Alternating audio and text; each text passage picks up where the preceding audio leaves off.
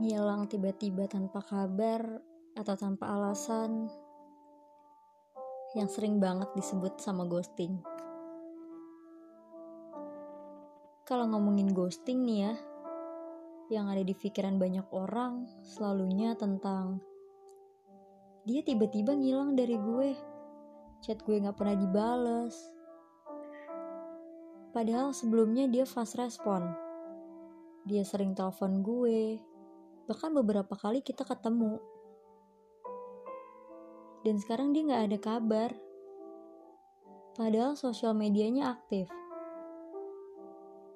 Gue mau ngechat gengsi, dan takut mengganggu juga, dan lain-lain. Yang akhirnya timbul pikiran, gue salah apa ya sampai-sampai dia ghosting gue?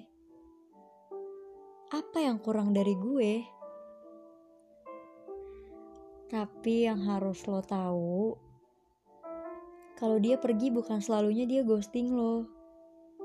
Yang jadi pertanyaannya adalah, dia yang ghosting atau lo yang terlalu ingin, sampai-sampai lo berharap sama sesuatu yang gak pasti. Mungkin bagi kebanyakan orang ketika dia didekati sama seseorang dan dikasih respon yang baik, pasti terlintas dalam pikirannya dia pasti mau deketin gue nih. Wah, fix sih, kayaknya dia suka sama gue. Dia naksir gue. Padahal gak selalunya begitu. Karena bisa jadi, dia memang peduli sama banyak orang.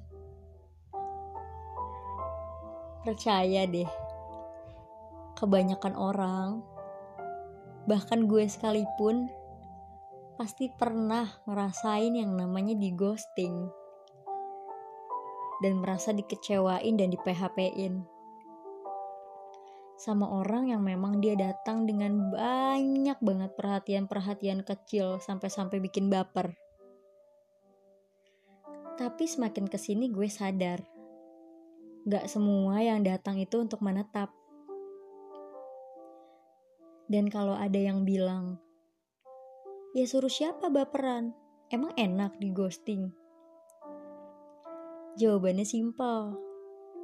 Karena manusia punya hati dan perasaan yang kadang sulit banget buat dikontrol. Perasaan lo gak salah kok.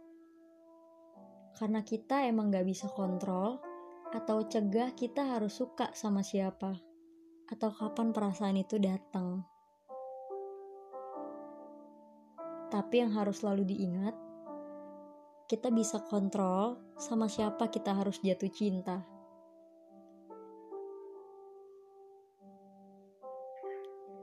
Sangat menarik bukan? Ketika dia yang datang dengan beribu perhatian dan kemudian pergi tanpa alasan.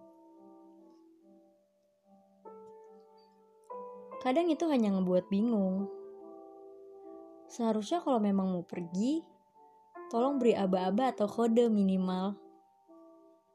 Agar kita yang ditinggalkan gak bertanya-tanya dan bisa sadar diri untuk mundur pastinya.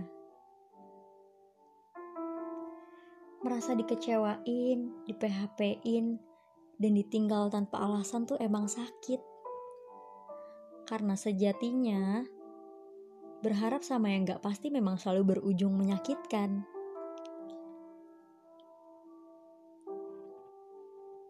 Yang harus selalu diingat. Siapa saja bisa meninggalkan ketika sudah tidak nyaman, dan siapa saja bisa ditinggalkan ketika dia sudah nyaman.